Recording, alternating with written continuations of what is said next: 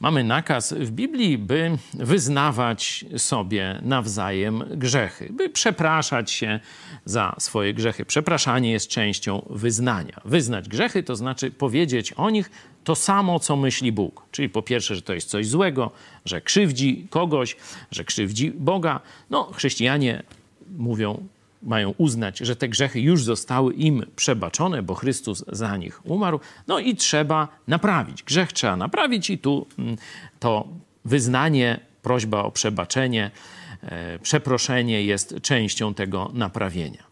No ale co zrobić, jak w wyniku jakiegoś konfliktu i tak dalej obie strony zgrzeszyły? No to która pierwsza teraz ma przeprosić? Na przykład mąż z żoną się pokłóci. To kto ma pierwszy przeprosić? Zanim odwołam się do e, Biblii, to powiem wam przysłowie, kiedy byłem mały i mi e, rodzice czy starsi mówili. Mądrzejszy głupszemu ustępuje. To już jest pewien ślad. Czyli kto pierwszy przeprosi, kto pierwszy przyzna się do swojej części winy, to w myśl tego dziecięcego przysłowia jest mądrzejszy. Jeśli przejdziemy do Biblii, to widzimy, że mąż jest głową żony. No to jak jest głową, to znaczy, że ma inicjować. To znaczy, że ma dawać przykład.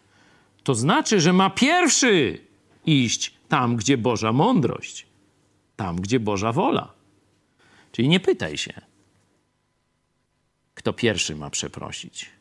Jeśli zgrzeszyłeś, jeśli jest także Twoja wina, nie oglądaj się na winę strony przeciwnej przeprość za swoją część, za swoją winę. Przeproś pierwszy. Zawsze bądź pierwszy w tym.